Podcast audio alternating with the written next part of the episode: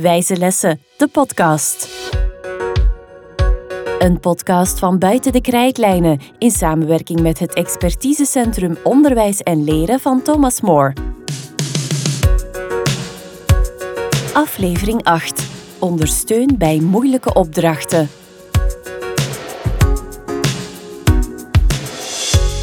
Hallo en welkom bij de Wijze Lessen podcast. In 14 afleveringen brengen wij jou 12 didactische bouwzinnen bij om je lessen beter en effectiever te maken. Vaste gast in deze podcast is Tim Surma, de managing director van het expertisecentrum Onderwijs en Leren van Thomas More en een van de auteurs van het boek Wijze Lessen. Dag Tim. Dag Rinke. Tim, stel jij mag een speech geven op de afstudeerreceptie van de lerarenopleiding. Voor jou zitten dan zo 50 afgestudeerde leerkrachten die gaan aan een job beginnen. Welke les of boodschap zou je hen willen meegeven? De dag dat ze het onderwijs binnenstappen, um, de eerste hou vol, omdat je, omdat je echt verdomd goed weet dat die eerste paar jaar heel, uh, heel straf en heel lastig zijn. En de tweede boodschap die ik graag zou meegeven, dat is dat ze gekozen hebben voor een van de meest impactrijke beroepen die er op, uh, op de aardbol um, bestaan. Hè. Dus je, je kneedt eigenlijk telkens nieuwe generaties uh, klaar. Of, en, en je kan die voorbereiden op functioneren in de maatschappij. En dat is zo'n waanzinnig belangrijk beroep. Uh, ook aantoonbaar verschillende keren in, in onderzoek naar voren gekomen dat je uh, dat het een van de meest eervolle beroepen is, maar dat het verdomd hard zal zijn die eerste paar jaar. Je hebt je meegebracht voor deze aflevering. Christel van Hooiwegen. Zij is collega bij ons op het expertisecentrum. Um, zij coördineert daar de professionaliseringsactiviteiten. Um, en zij kan uh, buigen op uh, twee decennia aan praktijkervaring in het secundair onderwijs. En uh, na de masteronderwijswetenschappen die ze behaald heeft, heeft ze ook lerarenopleiding gegeven bij de Karel de Grote Hogeschool. Dag Christel, welkom terug. Dag Renke. Ehm, we gaan het vandaag hebben over ondersteunen bij moeilijke opdrachten. Of in het Engels is daar een term voor, scaffolding. Maar, zijn die twee gelijk? Mag ik dat zo stellen? Ja, denk het wel. Dus uh, scaffolding is de, de Engelse benaming die in wezen niet belangrijk is voor u als leerkracht om een goede uh, ondersteuner te zijn. Het gaat hem hier over het feit uh, dat uiteraard uh, iedereen met een beetje praktijkervaring weet dat niet elke leerling op hetzelfde tempo leert en dat er dus ondersteuning nodig is, zeker op het moment dat er richting zelfstandigheid gegaan wordt. En scaffolding is, ehm, is het Engelse term voor stijger. Hè. Dus, ehm, en een stijger moet je zien als een soort van tijdelijke constructie die eigenlijk gebouwd is die als doel heeft om te verdwijnen. Met de bedoeling um, dat naarmate dat een bouwwerk vordert, dat die, dat die stijger daar, eh, dat kan, kan vertrekken. En bij scaffolding, bij leerprocessen is datzelfde. Je biedt tijdelijke ondersteuning aan aan leerlingen of groepen leerlingen die als ultiem doel heeft om ooit te verdwijnen, zodanig dat er complete zelfstandigheid is. Maar zonder die scaffold zou de leerling het waarschijnlijk nog niet gekund hebben. Dus je biedt dat aan uh, om er net voor te zorgen dat het kind het dan wel kan. Je hebt, je hebt nu al een aantal voorwaarden van scaffolding benoemd. Hè? Dus in, inderdaad die uh, geleidelijkheid, wat zijn nog voorwaarden? Of, of die noodzakelijk zijn om over scaffolding te spreken. Ja, ja, nu zijn we natuurlijk een theoretisch, ja. dus theoretisch. Dus de, de, de, de tijdelijkheid, dus het moet kunnen verdwijnen. Um, de, de scaffold moet ook nodig zijn. En dat wil ik zeggen dat je uh, soms ook te veel ondersteuning kunt geven. Hè. Stel je voor dat je een hele klas uh, uh, allemaal een, een, een, een, iets op de bank laat leggen waar, waar alle, alle maaltafels op staan in het lager onderwijs. Dat je zegt, ah, dat is toch een ondersteuning, dat is makkelijk. Dan kunnen ze tijdens het maken van vraagstukken kijken naar hoeveel 5 maal 7 is. Dat is eigenlijk een ondersteuningsvorm, maar als 90% van de klas dat niet nodig heeft, dan kun je niet meer van, uh, van een scaffold uh, gaan, uh, gaan spreken. Hè. Een andere voorwaarde of een ander idee achter scaffolding is dat het een, een eindigheid inhoudt. Of niet die eindigheid, die, het gaat altijd richting zelfstandigheid. Dus ja. je wil dat het kind het alleen kan. Hè? Um, en dus kan het zijn dat dat voor het ene kind wat langer nodig is en voor het andere wat korter, maar het ultieme doel is wel, het kind kan het uh, echt alleen. Dus er moet een transfer komen richting verantwoordelijkheid van de leerling. Ja, soms hoor je wel eens op scholen dat uh, leraren vermoeden of vrezen dat dat te veel pamperen is van leerlingen. Maar daar zit het hem juist wat Tim zegt, het bouwt af. Je mag wel als leerlingen uh, nieuw zijn of beginner zijn in een bepaald leerproces, mag je hen wel hard ondersteunen omdat ze het op die moment nodig hebben. Maar het bouwt af. Je neemt het wel weg op het moment dat, uh, dat het lukt. Maar ze hebben het op die moment wel nodig om een stap vooruit te geraken. En als leerlingen, we zeggen wel eens op, op, op vormingen van probeer te zorgen dat leerlingen kunnen werken op een niveau plus 1. Nee, dus altijd net haalbaar, maar wel uitdagend. Als leerlingen moeten werken op een niveau plus 2, eh, als zij vermoeden van, hier ga ik geen, ja, die uitdaging kan ik niet aan, gaan ze heel snel afhaken. Als leerlingen moeten werken op een niveau 0, van je bent klaar, maak nog eens een oefening, of um, ja, hier is het stappenplan, vul maar in en het is allemaal al voorgekoud, is niet uitdagend genoeg, dan gaan ze ook afhaken. En dat is natuurlijk niet gemakkelijk voor leraren om uh, voor elke leerling, dat zo zogezegde niveau plus één te, te zoeken. Een, een, leraar heeft ook maar één hoofd en twee handen.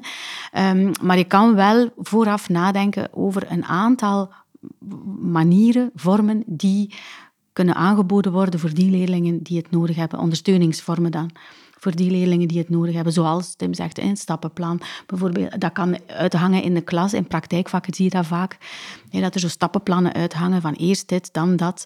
Ik heb het mooi gezien in een praktijkschool hingen er zo kubussen boven de werktafels eh, met, zaken waar ze zeker telkens op moesten letten. Dat is een ondersteuning. Hè. Voordat je start, veiligheidsmaatregelen, weet je ze niet uit jezelf. Check nog eens goed. Dat zijn van die zaken. Eh, leerlingen die dat niet meer nodig hebben, die heel goed weten hoe ze aan de slag moeten, die kijken er niet meer naar. Maar leerlingen die zich nog onzeker voelen, of nog niet zo ver staan in het leerproces, die kunnen gewoon die checklist afgaan en denken, oké, nu ben ik klaar om met een bepaalde machine te gaan werken, bijvoorbeeld. Heeft ook weer te maken met die theorie rond dat werkgeheugen, namelijk eh, iets nieuw dat je leert, dat kan je niet allemaal vasthouden. Dus als je dat allemaal moet vasthouden, dan raak je cognitief overbelast en dan lukt het toch niet. Dus door bepaalde dingen, bijvoorbeeld op een stapelplan te zetten of gewoon als scaffold aan te bieden dat je, dat je daar naar terug kan grijpen, verminder je die verbelasting op dat werkgeheugen of op gewoon algemeen op, op de cognitie van de leerling? Ja, je leent eigenlijk uh, cognitieve capaciteit als leerkracht uit, ja. uh, zodanig uh, dat de leerling ruimte heeft om te denken waar, waar die mee bezig is. Stel, um, een leerling met dyscalculie, die, het, heel veel moeite heeft voor automatisatie van maaltafels in het lager onderwijs. Er is dan een steekkaart die die maaltafels kan ondersteunen op het moment dat het lesdoel niet de maaltafels is. Stel dat, je, dat ze daar eenvoudige vraagstukjes oplossen en er moet ergens 5 x 7 in die oplossing terechtkomen, dan is uh, voor het kind dat echt heel grote automatiseringsproblemen heeft, is die 5 x 7 nieuwe cognitieve belasting. Van, ah ja, die moet tijdens het zoeken naar een oplossingsstrategie van dat vraagstuk toch plots ook 5 x 7 bedenken. Geen, geen probleem. Cognitief offloading, want de leerkracht heeft daar uh, zorgt voor een tijdelijke ondersteuning. Ah, die 5 x 7, oké, daar moet ik geen aandacht aan besteden. Ik kan terug naar de, naar de focus gaan. Hey, daarbij wel telkens terugkerend uh, renken naar die Ehm, naar die factoren die bij die scaffold staan.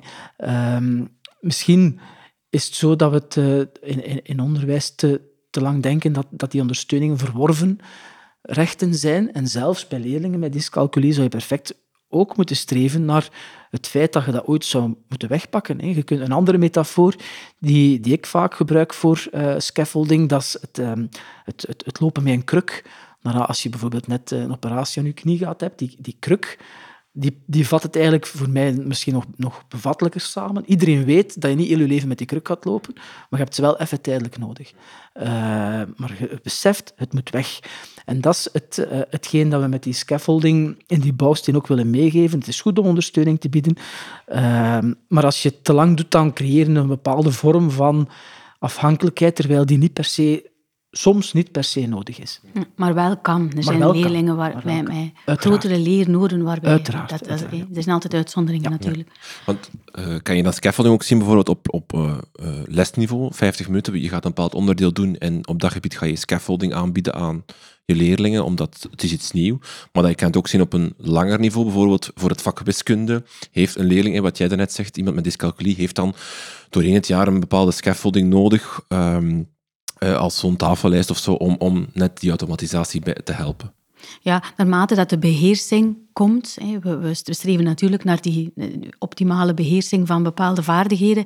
En zolang dat die scaffolds nodig zijn, gaan leraren die bieden.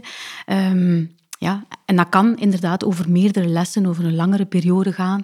Uh, in de les zit eigenlijk in de klassikale momenten zit ook die scaffolding wel hmm. in. Als je start met bijvoorbeeld een uitgewerkt voorbeeld, je demonstreert iets, daarna ga je over naar um, half ingevulde oefeningen. Je laat de laatste stappen weg en dan zet je leerlingen op weg om die laatste stappen aan te vullen, om zo richting zelfstandig werk te gaan.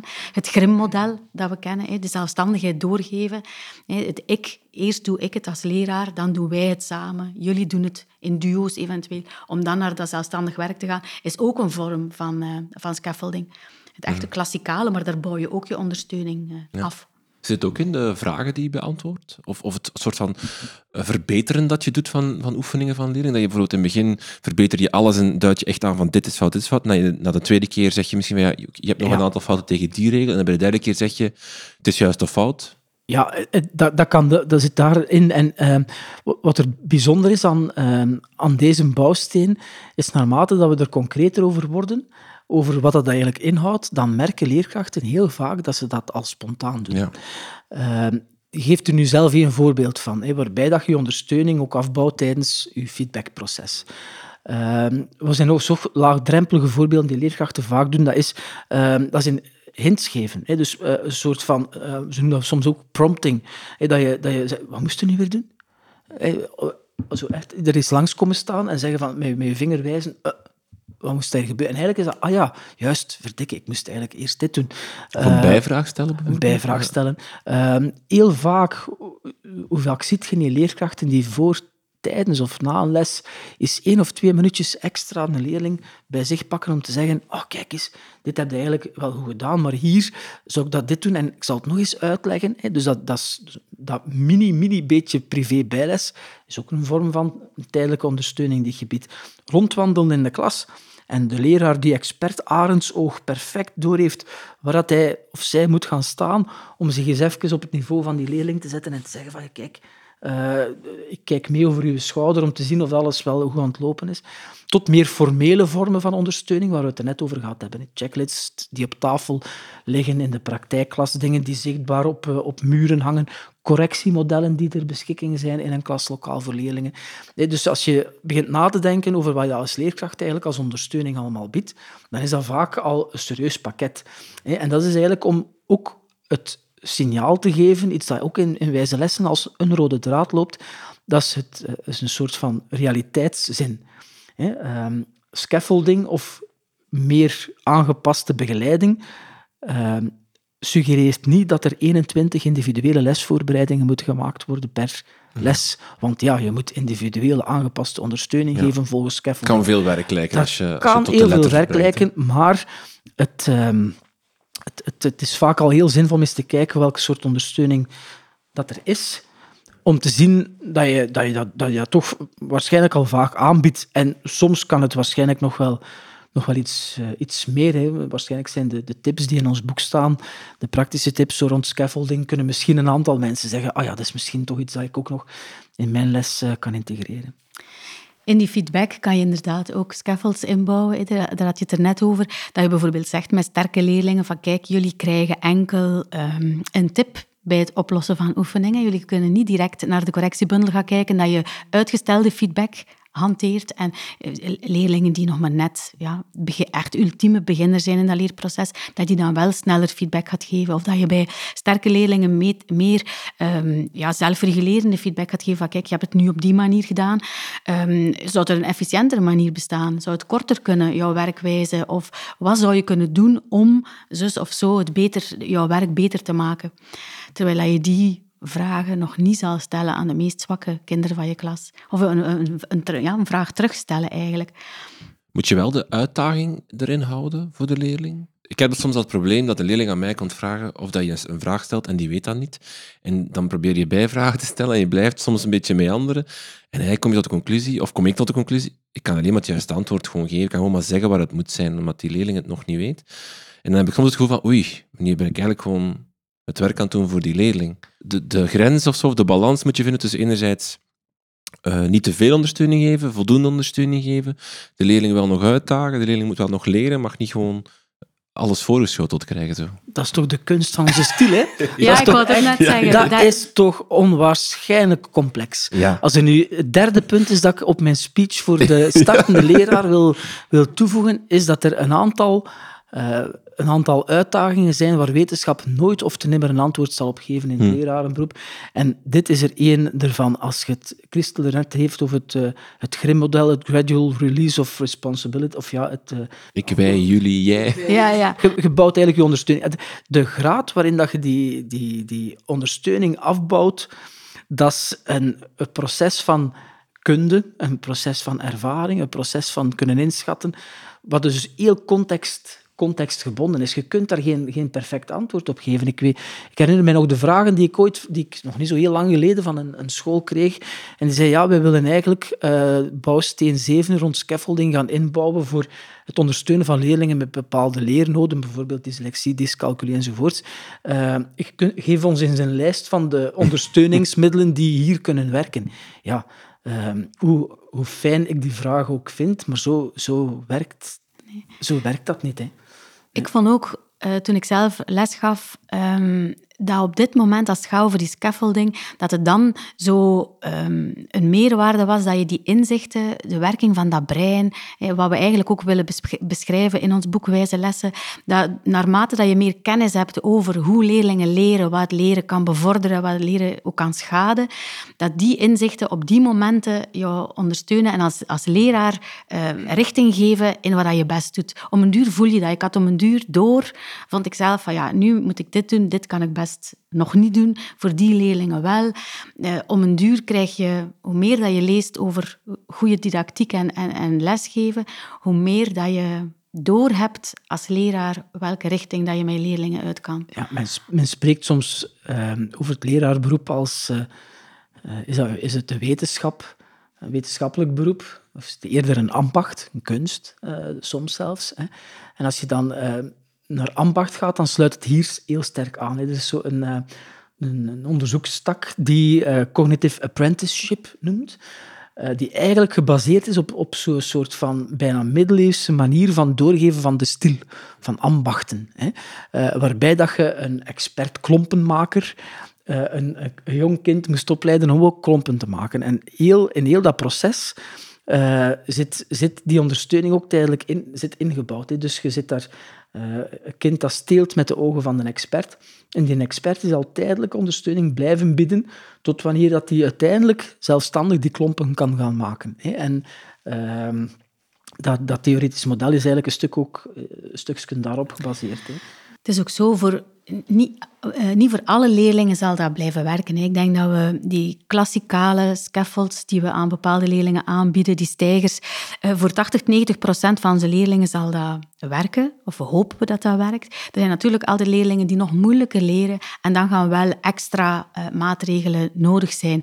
En dan is er zo een, ehm, ja, een principe, die response to intervention, ik weet niet of je het kent, gaat er eigenlijk over dat je met je scaffolds in de lessen, met je stijgers, eigenlijk eh, ervan uitgaat dat je 80, 90 procent van je leerlingen kan dienen, dat die bijleren, dat die vooruit gaan.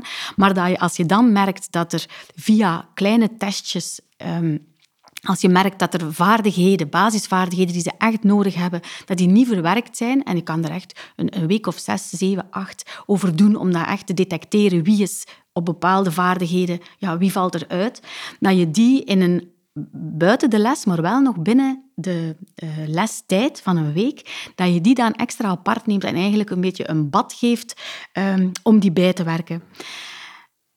Idealiter. Na, want dat, dat bad, dus dat die bijvoorbeeld twee, drie keer, vier keer in de week een half uurtje extra bijles krijgen eigenlijk van de leraar, dat die verder oefenen, zowel oefenen, maar ook instructie krijgen. Eh, We hopen dat dan die leerlingen ook die vaardigheden toch beheersen, toch bereiken, dat die terug mee verder kunnen met de groep. En dan zegt men in dat systeem response to intervention, er zal altijd misschien nog een 5%, 3% van je leerlingen, 1, 2 leerlingen, waarvoor dat het extra moeilijk blijft. En dan kan je dan in samenwerking met mentoren, CLB's, echt, ja, ook ouders al betrekken om dan te kijken van kijk, dit is, dit is echt moeilijk, hier is eh, nog meer ondersteuning mogelijk. Maar die eh, ondersteuning bij moeilijke taken, waar dat we het in de wijze lessen over hebben, is wel dat, die, die grote basis die voor een hele klas uh, geldt. Hmm. Is differentiatie een vorm van scaffolding? Ja, differentiatie heeft, kent, vele, kent vele gedaanten. Eh, Renke, dus uh, jij doelt vermoedelijk op binnenklasdifferentiatie. Ja. dat er binnen één klas gebeurt. Uh, daar heb je ook aanpakken die beter kunnen werken dan andere. De, hetgeen dat Christel er net uh, schetste met uh, response to intervention of RTI aanpakken, zo'n gelaagde aanpak waarbij dat je ondersteuning opbouwt naarmate dat er noden zijn. Dat is een van de aanpakken die, die vrij goed werkt. Omdat dat een vorm is van wat men convergente differentiatie noemt. Wat wil zeggen? Je, je gaat verschillende ondersteuningskansen wel geven aan verschillende gasten, maar je ultieme doel is dat we wel allemaal samen naar dat één doel gaan. dus met andere woorden, je doel is duidelijk, wij gaan allemaal hier naartoe. Uh, er zijn ook andere vormen van differentiatie, divergente, waarbij dat jij bijvoorbeeld als leerkracht Engels in je klas zegt van uh, uh, vandaag is het les over Engelse literatuur, ehm, Shakespeare voor de sterkste groep en J.K. Rowling voor deze groep, dan ga je op voorhand al divergent gaan zeggen, oh, maar die gasten die gaan Shakespeare niet kunnen. Mhm.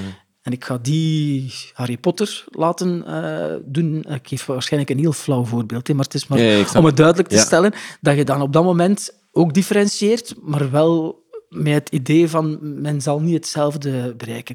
Die divergente vormen van differentiatie, die ook in lager onderwijs heel vaak aan bod komen, door te werken met niveaugroepen, die zijn potentieel risicovoller. Omdat je je dan aanpast aan het, uh, ook aan de, aan de zwaktes en dus je verwachting ook al ja. vooraf uitspreekt. Je verwacht minder van een bepaalde groep en die gaan er dan ook nooit komen aan dezelfde groep. Van, aan dezelfde verwachting of hetzelfde niveau van de, hogere, of de betere groep. Ja, en, men, en in theorie denkt men wel van, ah ja, maar het doel is dat die, dat die bijbenen, maar, maar in, in, in de realiteit heb je natuurlijk een, een, bepaalde keuze al gemaakt voor, uh, voor, voor die kinderen. En op lange termijn weet ik niet of hij daar het, uh, uh, veel diensten mee bewijst. Hm. Het is ook zo, als je die leerlingen op het einde van de rit toch een beoordeling moet geven, waar gaat het dan naartoe? Want als die verschillende doelen hebben bereikt, ga je ze dan allemaal overlaten, waardoor dat je eigenlijk ja, je niveau verlaagt. Of is er een gigantische uitstroom? Want die kinderen hebben niet dezelfde doelen behaald. Dus dat is ook een, een moeilijkheid waar die ja, waar in die situatie dan wel mee, mee moet rekening gehouden worden. Tegenover als je die doelen voor iedereen gelijk houdt, dan, uh, ja, dan heb je dat niet. Dat vind ik het moeilijkste aan differentiatie altijd, is dat dat op een gegeven moment het samenkomen. En dat, lukt, dat, dat loopt altijd niet. Dat is heel moeilijk om dat... zal ook niet, niet altijd lukken. We kunnen alleen als, als leraar ons uiterste best voor doen om die, die gelijke leerkansen voor leerlingen te proberen garanderen. Ja, en, en een tweede denkpiste die gewoon ook daarbij volgens mij belangrijk is om te beseffen, dat is uh, dat differentiatie aan zich geen doel is. Hè? Differentiatie hm. past je toe om je doelen te bereiken. Hè? Uh, en dat is soms wel anders geweest hoor. Als je kijkt ook naar, naar hoe bepaalde methoden vormgegeven zijn, daar zit differentiatie inherent in je systeem. Mhm. Namelijk, ik moet het verschil beginnen maken voor kinderen al bij aanvang. Uh, ja, dat, als dat niet moet, moet dat niet. Hè. Mhm. Dus uh, als, als, als je klassen hebt waarbij dat, uh, dat dat, dat voor 90% niet gedifferentieerd hoeft te worden, dan moet je dat niet kunstmatig gaan doen als dat niet moet. Hè. Ja, het zit dan vooral in die blijvende niveaugroepen. Als je ja, onderwerp per onderwerp opnieuw checkt waar leerlingen staan en dan kijkt wat ze nodig hebben om verder te kunnen, is iets anders dan dat je voor een heel trimester in, in de zwakste rekengroep bijvoorbeeld zit. Want dan heb je dat, dat je inderdaad die doelen verlaagt en dat je om een duur niet meer gaat, gaat kijken waar het de norm, de standaard eigenlijk had moeten liggen. Mhm. Zijn er nog elementen of inzichten over scaffolding die jullie willen meegeven aan dus onze luisteraars? Nog een, een allerlaatste misschien. Renke, gaat over de timing van die ondersteuning. Uh, als dan, je hebt net feedback ook al. Eigenlijk zit, zit scaffolding, hè, dus het bieden van tijdelijke ondersteuning, in heel veel bouwstenen inherent ook vervat. Hè. Uh, hetzelfde met feedback. Hè. Dus als je uh, complexe opdrachten geeft, en ik ga nu richting secundair onderwijs, uh, gaan. En uh, stel dat je leerlingen teksten laat schrijven, bijvoorbeeld, dat is moeilijk. Hè? Dat, vraagt veel, veel capaciteit van de kinderen. Als je daar je rol van tijdelijke ondersteuning te snel gaat bieden, dan, dan kan dat ook storen. Hè? Dus met andere woorden, soms moet je ook uw ondersteuning uitstellen om, om dat proces zelf niet te gaan storen. Stel je voor dat je aan het schrijven zit en er zit om de twee minuten, om de minuut komt daar een leerkracht uh, u storen door te zeggen van hier is een hoofdletter verkeerd. Oh, hier heb je zin. Dat is goed bedoelde ondersteuning, maar dat is eigenlijk irritant. Hè? Uh, dus bij hoe complexer een taak is, dus bij oudere leerlingen die eigenlijk wel wat capaciteit hebben, daar zou je, die, daar zou je de reflex kunnen hebben van oké, ik ga hier voor een uitgestelde, uitgestelde feedback in tegenstelling tot uh, de GPS-feedback, die dus continu bijstuurt à la minuut, um, is ook niet altijd nodig. Uh, welke leestips hebben jullie nog voor onze luisteraars die meer willen weten over ondersteuning geven of scaffolding? Um, ik zou hier uh, in de richting van een podcast die je zelf eerder al hebt opgenomen met Janneke van der Pol durven verwijzen. En zij heeft ook de Nederlandse onderzoeker, ik denk, Universiteit Groningen, um, um, met Jos Bijshuizen heeft zij fantastisch onderzoek gedaan rond scaffolding en ook uh, op websites, op de websites rond NRO en van Janneke zelf vind ik heel veel informatie over uh, scaffolding. Tim en Christel, heel veel dank voor dit gesprek. Graag gedaan. Wijze Lessen, een podcast van Buiten de Krijtlijnen in samenwerking met het expertisecentrum Onderwijs en Leren van Thomas More.